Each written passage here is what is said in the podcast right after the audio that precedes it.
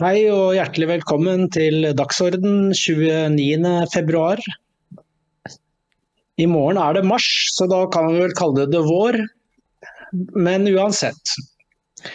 I dag skal vi snakke om kontrollkomiteen. Vi skal snakke litt generelt om demokrati og hvor sterk tillit demokratiet har rundt omkring i ulike land. Men vi skal starte med kontrollkomiteen. De kom kommer med sin konklusjon i går. Og Vi kan ta det litt punktvis. Eh, men eh, det første vi skal starte med er jo at tidligere statsminister Erna Solberg hun fikk jo den hardeste kritikken. Det de kaller altså sterk kritikk. Og det er den hardeste kritikken kontrollkomiteen har muligheten til å gi. Og Dette har ført til at flere medier faktisk, og dokument også, men uh, Ragnar Larsen skrev en kommentar i dag hvor han egentlig innleder med å si at Erna Solberg må gå av. Hennes tid er over. Men det er ikke bare henne. Også i Aftenbladet så skriver uh, en kommentator navn Sandelsson, Solveig Sandelsson, hun skriver det samme. Eh, det, det, det, her fungerer ikke. Du kan ikke. Hadde hun gjort dette mens hun var statsminister, eller blitt tatt for det mens hun var statsminister, riktignok, så måtte hun gå av. og hun eh, Seher Aider i Rødt sier det samme, og det murres. Men vil det skje noe med Erna? Hun har jo en så stor og mektig posisjon i Høyre. Og det virker som ingen våger å gå imot henne. og jeg må da ønske min eh, gjest Kristian eh, Skau hjertelig velkommen fra Bari. Takk for det. Erna, hun Hva tenker du rundt sitter... denne saken? Ja, det, det, er et dilemma her, uh, sannsynligvis, for uh, de voksne menneskene i Høyre, uh, som sannsynligvis er i mindretall i det partiet, som alle andre. Fordi Skal de ta mest hensyn til, uh, til Høyre eller til landet, ikke sant? Vet, uh, da hun ble gjenvalgt som, uh, som, partileder, så var jo det fordi at hun hadde en track record. ikke sant? Sittet så lenge, går så bra på meningsmålingene. Så her er det jo ikke noe grunn til å skifte leder. ikke sant? Et rent sånt Altså, hvis Høyre har høy oppslutning, så er det lederens fortjeneste, og da skal vedkommende ha tillit. Det er et sånn rent eh, skal vi si, partitokratisk, eh, taktisk eh, synspunkt. Som en måte å se på hele verden på, egentlig. Men så kan man jo spørre seg er det, er det så bra i det lange løp hvis, hvis vi har en leder som som har eh, skal vi si, så mange svin på skogen. Da. Eh, så da, hvis det da fantes eh, voksne, prinsipielle mennesker i Høyre som evnet å tenke litt lenger frem enn bare til neste valg, så kunne de kanskje forsøke å, å erstatte ledelsen, da. Men så er jo spørsmålet i hvor mange av sine egne tro tjenere er det Erna Solberg har plassert rundt omkring i partiet, som da gjør at at de kan uh, skyte ned ethvert forsøk på opprør, da, det, det, vet vi ikke. Men jeg vil jo tro at hun er sikret uh, på samme måte som skal vi si, Xi Jinping. Så jeg, jeg tror terskelen er veldig høy i Høyre for å, å kvitte seg med henne. Men det, jo, det ville jo ikke vært en dag for tidlig. altså. Ja, men Støre sitter jo like trygt han, selv om eh, de stuper jo på meningsmålingene. Så det, det, er jo mange grunner til at disse Jeg tror det er allianser, Christian, at de bare har så sterke allianser innad i partiet at de er urørlige. Jeg vet ikke hva du tenker? Ja, det er sannsynligvis. Eh, fordi sånn som eh, partiene har blitt organisert de, de siste ti årene, så, så betyr jo medlemmene mindre og mindre. Eh, så hvis du har kontroll på prosessen eh, med utnevnelser til viktige verv, så, så får du et sånn der eh, militært grep på organisasjonen som, som, ikke er svært forskjellig fra det man har i et uh, kommunistparti, eller det de hadde i den romerske hæren. Altså dekurion, centurion. du må bare ha de, de riktige folka på riktig sted. Men det, det er jo et annet problem her også, og det er jo den uh, skal vi si, det, det generelle forfallet i, uh, i, demokratisk kultur som på en måte rammer hele det politiske landskapet, ikke bare Høyre, men også Høyre. Altså, så tenk på ja, Nå er ikke du og jeg helt unge lenger, og vi husker jo et annet Høyre for 20-30-40 år siden. Tenk på alle alle de personlighetene det partiet hadde, som aldri i verden ville ha funnet seg i uh, mye av det tøyset som Høyre driver med i dag. Uh, altså en uh, Ja, tenk, tenk hvis, hvis, Inge Lønning hadde sett dagens Høyre. Hva, hva, i all verden ville han ha tenkt? Altså, han, han, ville jo ikke ha dratt kjensel på sitt eget parti. Så det er, det er noe der, da. At de, de ekte konservative menneskene, de de har vel egentlig ikke noe hjem i Høyre. Eh, kanskje et hundehus, men ikke noe hjem. Nei, eh, de er jo stort sett døde, da, dessverre. Mange av disse gamle konservative Høyre-politikerne. Ikke alle, men mange av dem. Jeg så jo at hun Sandelsson i eh, i Aftenbladet. Hun skrev jo at, eh, om, eh, litt sånn ironisk da, om det som skjedde når kontrollkomiteen holdt sin pressekonferanse. At dette er en vakker stund. Den var fylt av alvor og vilje, og la noe være viktigere enn egen partipolitikk og karriere, men det, var, det er jo bare et spill for galleriet. Og Da vil jeg bringe saken videre til Tonje Brenna, fordi Det virker som om kontrollkomiteen hadde tatt sin avgjørelse allerede før de hadde møte på onsdag. For den nyheten om at eh, Tonje Brenna, Brenna visste at hun var inhabil i et helt år før hun ga beskjed, som, bry, som altså avslører henne som en ren løgner. For hun har jo sagt det motsatte hele tiden. Jeg kan ikke skjønne at uh, hvis kontrollkomiteen er kjent med dette her, og så skal sette seg ned og bedømme at ikke, at ikke hun skulle bli utsatt for sterk kritikk. Og det mente jo Frp og KrF var det vel, og kanskje Høyre. Eh, eller var det Frp og Høyre? Det er ikke så viktig, men altså, de ble jo tråkket ned av, uh, av de rød-grønne partiene som har flertall. Så Derfor ble det bare kritikk på Brenna. Men eh, mange antyder jo at saken om Brenna ikke er slutt, at det, dette her kommer til å få et etterspill. Jeg, jeg veit ikke, vi må jo nesten tro det. For det, det kom jo samme dagen som eh, kontrollkomiteen eh, hadde sitt møte, så kommer denne nyheten som avslører mye mer enn det vi allerede har visst. Ja, den er ikke slutt. Det, det, altså, om den skulle være slutt i denne omgang, så, så blir det mer etterspill her. Uh, da husker jeg ikke hva han het, uh, men det var et venstremedlem i kontrollkomiteen som nå oppfordret både departementet og Brenna til å legge alle kortene på bordet. Uh, altså hvis det er Altså hvis det er sånn, så, altså Dagens Næringsliv har jo gjort et virkelig skup her. da, ikke sant? De har avslørt eksistensen av dokumenter som kontrollkomiteen ikke har tatt i betraktning. Og de dokumentene de viser jo da at Brenna egentlig er tatt med buksa nede. Så dette er, er, jo på en måte et åpent mål for opposisjonen. De kan jo bare trille ballen inn i nettet, så vidt jeg kan skjønne. Det, altså I og med at hun ikke bare har visst uh, om sin egen inhabilitet, men dokumentet som beviser det, har jo da heller ikke blitt uh, sendt til Stortinget. Så, så uh, det virker jo som om hun har ført Stortinget bak lyset.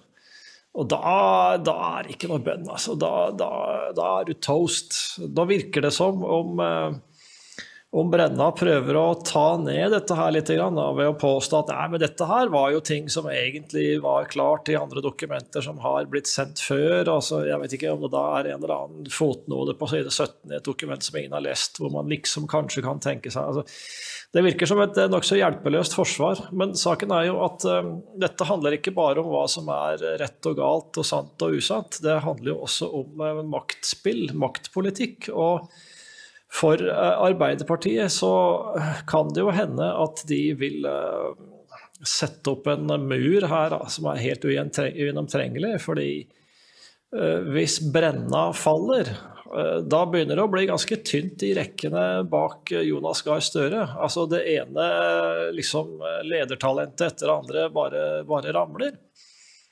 Eh, så det kan være at eh, altså Når du ser på dette innbitte, dette innbitte forsvaret til Kjerkol også, at de, de, de, må bare prøve å ikke bli skutt ned alle sammen, rett og slett. Så jeg, jeg vet ikke helt hva jeg skal tro. Ja. Hvis, hvis uh, Arbeiderpartiet får et flertall på Stortinget med seg i å beskytte henne bare fordi at de ikke skal gå tom for talenter, så jeg vet ikke, Dette er kanskje noe velgerne da vil glemme frem til eh, høsten 2025. Så da vil kanskje valget handle om noe annet. Altså, hvis Arbeiderpartiet regner med å tape uansett, så spiller det kanskje ikke noe større rolle. Nei, så spørs det jo kanskje om det er akkurat ledertalentene som er motivasjonen til Støre. Det kan vel heller også likså gjerne være at han har støtte i denne gjengen, da at de er liksom hans allierte. At han egentlig jobber for å beholde sin posisjon. Men dette vet jo ikke vi som sitter på utsiden. Da. Men det er litt interessant med Tonje Brenna, for at uh, vi har jo hørt om uh, statsråder uten portefølje. Men uh, det er ganske uvanlig å ha en kunnskapsminister uten utdanning. Men det, det, var jo hun, da. Men hun kan jo allikevel være lynskarp av den grunn. Altså det, det, kan hun være. Men um, hvis, jo skarpere hun er, jo, bedre, jo mer inhabil har hun opptrådt. Det så det blir en litt sånn catch 22, da.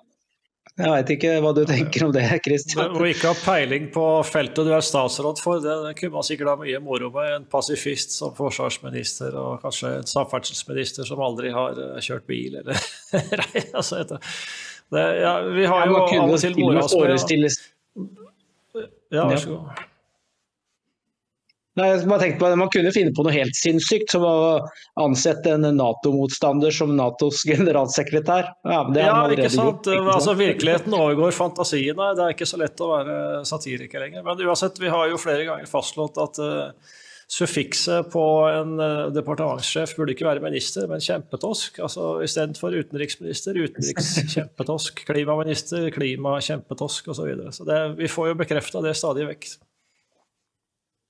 Ja. Nei, vi skal gå til uh, bevege oss uh, videre, men først så skal vi se en liten reklamefilm. Hei! Vi i Dokument er glade for at du Leser oss hver dag. Lytter til dokumentradio. Og ser på Dokk TV. Redaksjonen produserer døgnet rundt. Og trenger både abonnement og donasjoner. Dokument er unikt i Norge. Vi er det eneste virkelig konservative mediehuset. Støtt oss på VIPS nummer 638941. Det Kent sa. VIPS nummer 638941. 638941. Eller bli abonnent.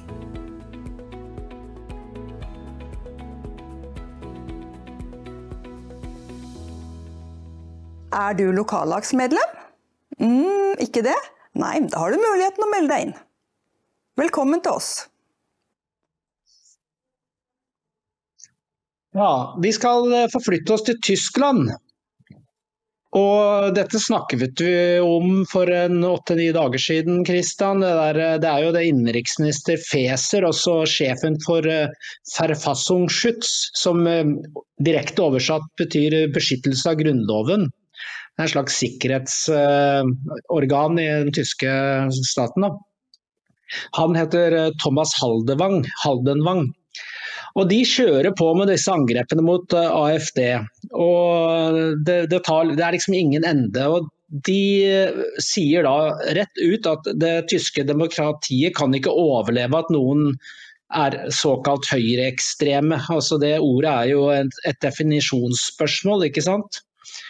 Man sier aldri venstreekstreme, da man kanskje venstrevridde eller i verste fall venstreradikal. Da. Men eh, når det gjelder høyresiden, så er man alltid høyreekstrem, hvis man eh, tillater og han, eh, David Gress har jo skrevet en kommentar for oss i dag hvor han sier at dette her minner om Det minner om det som skjedde i Tyskland på 30-tallet, da, Hitler i 1933 på en måte ekskluderte all politisk motstand og tok makten. Og han sier at man kan, eh, man kan eh, ta Tyskland ut av nazismen, men man kan ikke ta nazismen ut av tyskerne eller noe lignende. Og dette er ganske, det er ganske dramatisk, fordi at de bestemmer hva som er akseptable politiske holdninger, og så forbyr de det de ikke liker. Det er det de forsøker på, Christian. Ja, det, det vitner jo ikke om noe veldig høyt utvikla demokratiforståelse, dette her, da. Det må vi jo kunne si. Altså, demokrati handler jo om at man eh, forsøker å, eh, å, styre et samfunn selv om man har forskjellige oppfatninger, og man diskuterer og man stemmer og man resonnerer. Det, det er jo en, en, prosess der du er nødt til å finne deg i at det finnes andre mennesker som ikke tenker det samme som du gjør. Eh, men det det vil jo da disse som sitter ved makten i Tyskland, ikke ha noe av. Og det, det er klart, da har jo ikke altså Tyskland de, de siste 120 årene har jo ikke vært noe sånn der demokratisk gave til menneskeheten, da, men vi trodde jo kanskje det var slutt med slutten på andre verdenskrig. Altså, det er nå eh, snart 80 år siden. Men likevel så er jo dette her da en, eh, en, psykologisk knute for dagens Tyskland også. Altså, så fort du har eh, den minste mistanke om at noe er høyreekstremt, så, så bare låser det seg fullstendig opp i huet på dem. Og da, da, kan de gjøre de dummeste ting. Så jeg mener hele landet burde jo bare hatt en sånn kollektiv psykoterapeut for å, for å finne ut av dette her. Så det eh, det, er, det, er jo, det er, jo, som David Gress sier, altså de, de, bruker jo metoder som minner om DDR eller om nazismen. Og AFD er jo faktisk det eneste reelle opposisjonspartiet. eller ja, det vil si, Nå er det jo kommet et til, da, fordi at nå har jo hun Sara Wagenknecht grunnlagt sitt eget venstreparti. Så, så, hun, eh, så vi kan vel si det er to, da. Eh, men eh, altså både Sosialdemokratene, De Grønne, Fridemokratene og eh, de Kristeligdemokratene de er jo alle sammen på et kjør både i energipolitikken og innvandringspolitikken som er nasjonalt selvmord. Og, og, Det er tydeligvis veldig viktig å, å, få gjennomført dette selvmordet, fordi man, eh, man, behandler jo de som eh, ønsker å dra i nødbremsen som, eh, som, søppel og som umennesker, som man egentlig bare bør kvitte seg med. Og det, hva er mer nazistisk enn det, da? Å, å, å se ned på andre mennesker på den måten som de gjør? Altså det, det er jo helt det er jo en fantastisk ironi at de ikke ser det selv. At, at de med denne autoritære nedlatende holdningen, hvor de da ønsker å bruke statsapparatet mot opposisjonen, at, at de minner om, om eh, totalitære monstre. Så det er eh, men dette er jo et, et, uvesen vi nå ser over hele Vesten, egentlig, ikke minst i USA. Så dette her er jo tydeligvis noe som uh, det trekkes i tråder her, da, som ikke bare har dukkemestere i Tyskland. Det virker jo nokså åpenbart. Ja, Du skrev jo i går en artikkel om uh, asylmigrasjonen f.eks. Og det er jo et godt eksempel på hvordan uh, befolkningens uh, vilje og ønsker blir totalt motarbeidet. Man prioriterer altså utlendinger framfor egne borgere, med gjerne pakka inn med noen sånne menneskerettsgreier og internasjonale avtaler og what not. Mens borgerrettighetene er eh, egentlig noe vi kan lese om i historiebøkene, virker det som. Og nå er jo uh, asylmigrasjonen til uh, Europa på 2016-nivå. Og Tyskland er jo hardest eh, rammet eh, sånn sett. De får vel nesten tre fjerdedeler av de som kommer.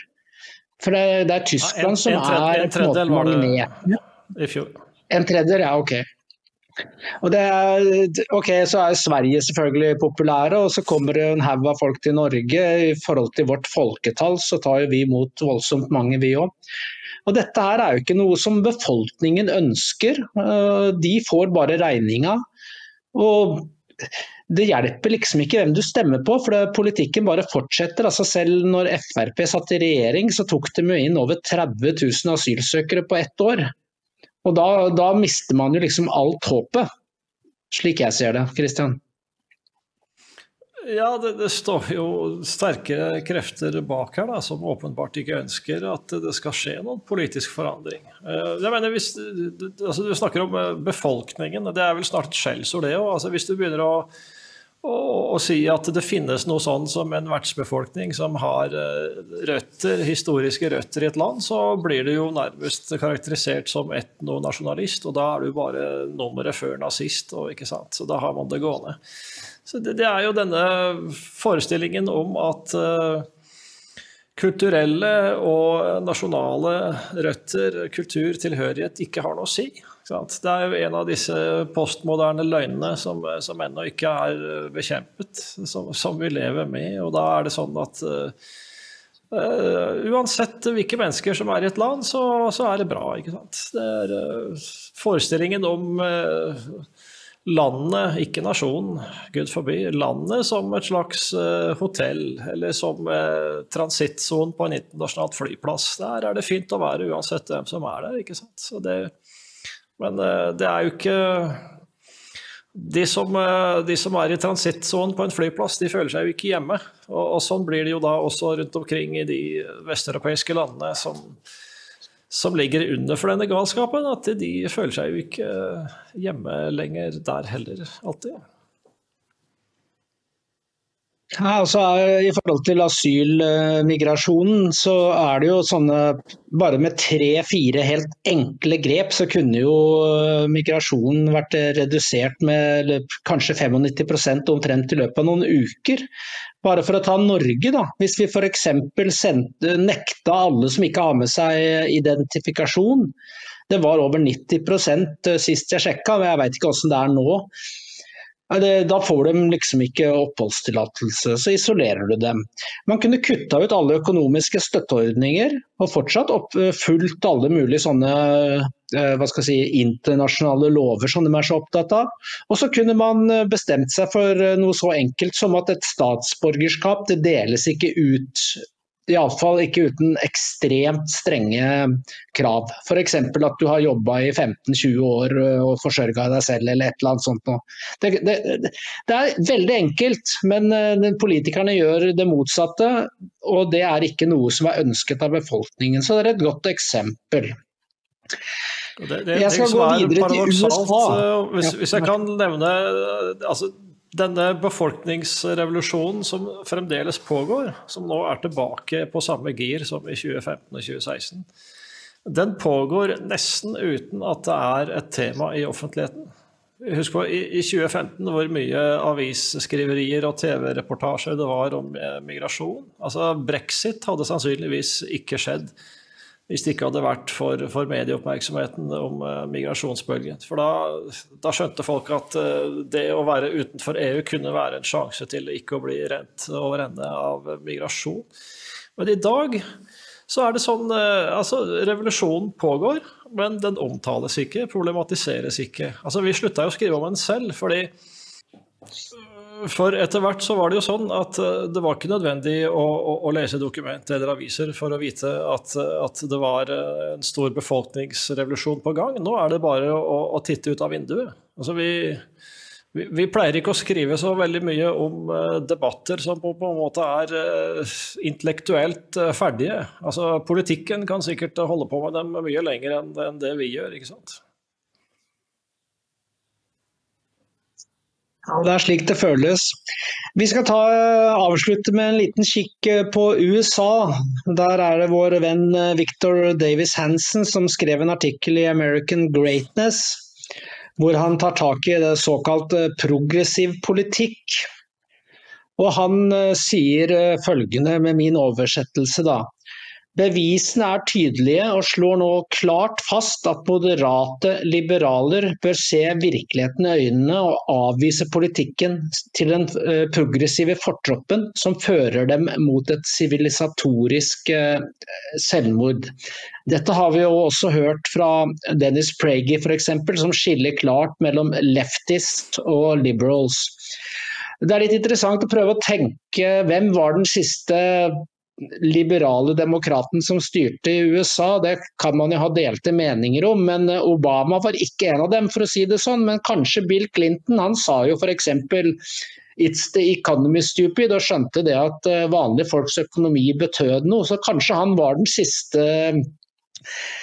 Kristian, eh, jeg vet ikke hva du tenker? Jeg, tror helt sikkert det skjer et eller annet viktig fra Clinton til Obama. Uh, altså det, det, det, skjer et eller annet mørkt der, altså, når Obama kommer inn i bildet, uh, som akselererer ødeleggelsen av USA. Men uh, du kan jo si det sivilisatoriske selvmordet har vel egentlig skjedd på et tidligere tidspunkt. Eller i hvert fall så har man banet veien frem til det på en måte som Obama kanskje fullførte, da. Men du vet, når, når, du ser på så mye av det sludderet som uh, har skjedd i USA, og som skjer ellers i Vesten, så, så, tar man seg jo i å tenke at det er uh, dumhet som er en, en, viktig forklaring. At uh, du vet, med, med fallende standarder i, i akademia og med masseutbredelsen av høyere utdannelse, så er det da hærskarer av mennesker som har såkalt tatt utdannelse, og som tror de er veldig smarte, men som egentlig ikke er det likevel. Og så har du da fått denne gjengen av eh, innbilske, halvstuderte røvere som på en måte har tatt over politikken, eh, og som gjør fryktelig mange dumme ting. Altså, jeg nevnte Inge Lønning i stad. Altså, eh, på Inge Lønnings tid så hadde du på en måte en en kritisk masse av eh, voksne mennesker i politikken eh, som hadde et høyt intellektuelt nivå, som kunne skyte ned de ideene som var altfor dumme. Eh, den kritiske massen den, den fins ikke lenger. og Derfor så kan du oppleve at middelmådigheter da får oppslutning om ideer som er stokk dumme. Og det er jo der vi er i dag. Eh, så eh, dette her er forresten et tema som er eh, utførlig behandla i dette essayet vi har gitt ut av den pseudonyme Olavus Norvegicus, 'Dumhetens anatomi'. Han, han beskriver da dette, dette, forfallet i offentligheten, hvor, som da bl.a. har det som konsekvens at man forstår ikke at det, det er lov å ha forskjellige meninger, og at man må debattere dem. og I stedet så tyr man da til, til forsøk på å, å stemple og, og, eh, skremme bort og, og sjikanere folk som, som, mener noe annet. Så det har vært et, eh, et forfall i hele den demokratiske kulturen som Ja, hva skal vi si? Jeg vet ikke om folk er nødt til å bare vende tilbake til uh, demokratiets røtter i det gamle Hellas, ja, altså for, for, å oppdage hva det egentlig handler om. Men eh, du kan si mye av vestlig sivilisasjon handler om at vi har en pågående samtale. En samtale som aldri tar slutt, der ideer brytes mot hverandre og man er uenige, men eh, hvor man likevel eh, forsøker å leve i fred og fordragelighet på samme territorium. og det, den tilstanden er på en måte borte. Altså. I dag så er det skal vi si, den mer totalitære greia som gjelder. At enten så er du enig med meg, eller så er du en forbryter som det må stoppe munnen på. Og det, det er ikke noe det er ikke noe quick fix her, altså. Det, det, hjelper ikke bare å skifte en regjering eller et eller annet. Det er en hel demokratisk kultur som må gjenopprettes. Det er jo det, det, har jo blitt sånn nå at uh, disse woke-folka, om det så er LGBTQ-mafiaen eller klimafolket eller uh, de som maser om systemisk rasisme eller whatever. Ingen av dem er jo interessert i noen debatt. De ønsker ikke å vinne debatten, de ønsker å stanse debatten og gjøre det umulig å være uenig. Og Det ser vi jo gjennom sånn kanselleringskultur og utestengelser av eh, folk som har eh, en liten millimeter feil mening. Og, og dette her, han, uh, Hansen han sier det at det er lett å tenke at det vi opplever skyldes dumskap. Men mer og mer tyder på at dette er en ønsket politikk. og Dessuten så det skriver jo han om i dumhetens anatomi òg, det er ikke nødvendigvis noe skille mellom ondskap og dumhet. Christian? Ja, Dette er jo et stadig tilbakevendende tema. ikke sant? Er det, alt det dumme som pågår, er det et resultat av vanvare eller av design? Altså, det er jo Det er jo ikke nødvendigvis noe skarpt skille mellom de eh, to tingene. Altså, folk planlegger dumme ting og, og, og, ender opp med å få det de, de, ønsket. Eh, så er det jo alltid sånn at vi vet jo ikke alt om uh, hva som trekkes i trådene. Altså, denne, mm, disse avsløringene fra, fra Mike Benz uh, hos Tucker, som forteller hvordan hele dette sensurindustrielle komplekset fungerer det, det, viser jo at hvis du har en liten maktelite som plutselig er veldig galt av sted intellektuelt, så kan de gjøre veldig mye skade. Altså. Så, men for alt vi vet, så kan jo intensjonene deres eh, være gode. Så, eller så har jo Mathias Desmet eh, i en annen bok vi har gitt ut, eh, 'Totalitarismens psykologi', har jo også gitt en eh, forklaring på eh, hvordan dumheten kan spre seg uten at det nødvendigvis er noe intelligent design bak. At vi egentlig bare er eh, sosiale vesener som, som kopierer. Og man knytter dette her også da opp til fraktaler, faktisk. Og det er jo litt spennende teori. Så, men det Om vi ikke finner ut av dette her, så, så må vi jo da uansett bare Altså prøve å si sannheten og det vi har på hjertet, og, og forsøke å overbevise våre omgivelser om eh, sunnheten i våre resonnementer. Uh, og om det nå resulterer i om vi blir nedsablet eller ikke, så får det bare stå sin prøve. Ja, jeg leste hos en eh, Jeg skal ikke si navnet, men det er en uh, ung dame jeg har veldig sansen for, som skrev på Facebook her om dagen at egentlig så handler ikke Konflikten står ikke mellom ondskap og god, godhet, det står mellom sannhet og løgn. Og Det syns jeg var et veldig godt poeng, da. Vi kan jo ta et eksempel da, som Hansen nevner. Altså det der angrepet på oljeindustrien. Her er det jo eh, det har jeg skrevet om tidligere. altså de vil, eh, Disse Just Stop Oil-folka som løper rundt der som eh, tullinger og hiver maling på gamle kunstverk som om det skal hjelpe på noen ting som helst. De vil jo stanse oljen. og da, Det vil føre til, ifølge en skribent i The Telegraph, at da vil det dø seks milliarder mennesker i løpet av et år. Men de bare fortsetter å nesten ja, vi så jo hvordan Greta Thunberg ble mottatt av han Ola Elvestuen da han var klimaminister, omtrent som en sånn gudinne. Men altså, hvis de får bestemme, så dør mange, det blir mange ganger holocaust, ikke sant. Og det, dette her hylles. Det er en skremmende situasjon vi lever i. Hvor er de voksne, som du sa? Et, et, et åndelig forfall. Uh, fordi altså, det er jo, Miljøbevegelsen har en del veldig dystre ideer, menneskefiendtlige ideer. Der uh, man ser på mennesket nærmest som et slags fremmedelement i naturen. Altså, vi gjør ikke annet enn å, enn å forurense, og vi fyller atmosfæren med CO2 og blir stekt som straff, uh, visstnok. Det jeg, jeg, ser jo på dette her som et av de mange uheldige utslagene av avkristningen. At, eh, at eh, mennesket er eh, formålet. Det er liksom ikke naturen som skal opphøyes til en sånn der renhetsideal der vi er nødt til å leve som fakirer for, for ikke å ødelegge harmonien. Så Natur, jo vel, fint, men altså med mennesket i det. Med mennesket som blomstrer og, og trives. Eh, det jeg har jo merka meg at Georgia Meloni, eh, som er statsminister her til lands, hun har jo ennå ikke skal vi si, gått til frontalangrep på klimaideologien. Men hun eh, tar alltid et forbehold når hun snakker om disse tingene. Hun sier da også at jo, det er klart viktig med naturvern, men vi må jo også tenke på det økonomiske og det sosiale. Altså, det er, du kan ikke drive menneskeofring eh, for å oppnå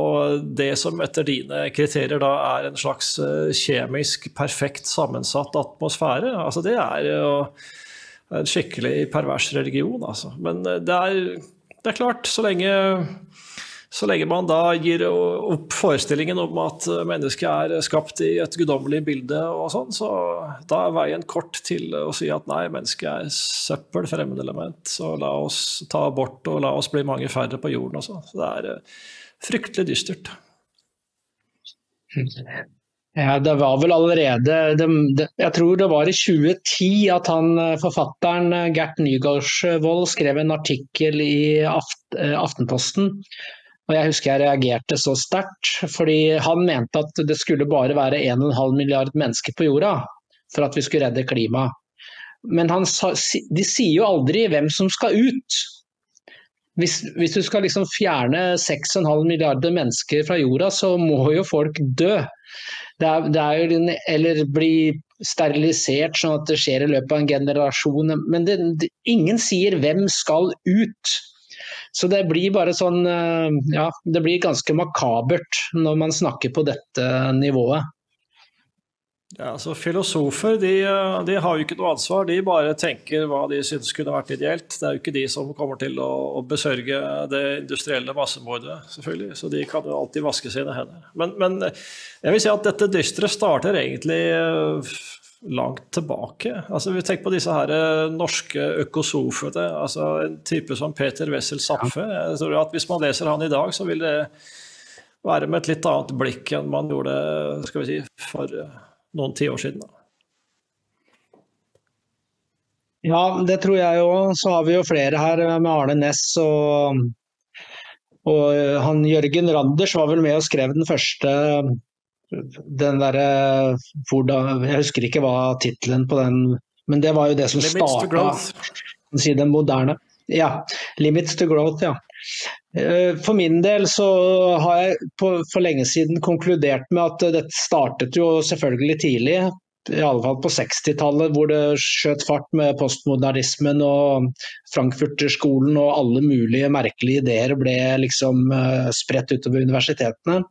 Mens det eksploderte etter at Sovjetunionen falt og hele Vesten mista på en måte et uh, slags, et, et, grunnleggende mål. Da. Så da skal vi plutselig redde verden og redde klima og redde alle land i verden. og redde ja, Alt sklei fullstendig ut eh, fra mm, tidlig 90-tallet. Hvis, hvis, jeg kan uttrykke meg litt sånn teologisk eh, frimodig, så er det egentlig mennesker som forsøker å sette seg på Guds plass.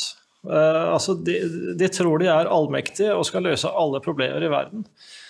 Men uh, på den tiden da man hadde en ekte religiøs kultur, da, så var det jo ingen som ville ha innbilt seg det. Altså, da ville man visst at ja, ok, uh, Jesus forsøkte ikke selv å redde hele altså, Han var ikke noen sånn social justice warrior. Han ville ikke utrydde alle sosiale problemer som fantes på den tiden. Altså, han ville at mennesker skulle redde sin egen sjel. Men altså, det, akkurat den greia der er det vel knapt noen som, som, tenker på lenger. Altså Dagens biskoper de skal kjøre biske, bispestaven sin ned i et oljeboringshull, og så skal de ja, sørge for fritt Palestina, eller hva vet jeg. Altså det, er, det, siste de tenker på, er i hvert fall Jesus og, og sjelen. Det er helt sikkert. Så.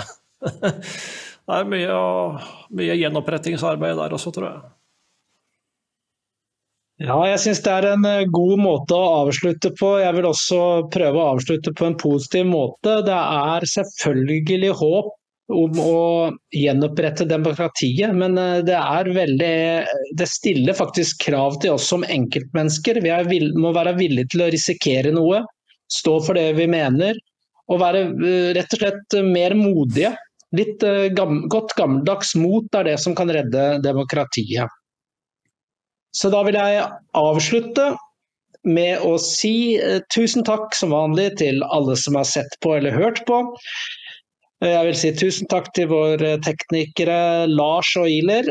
Og selvfølgelig tusen takk til deg, Kristian, som stilte opp i dag. Selv takk.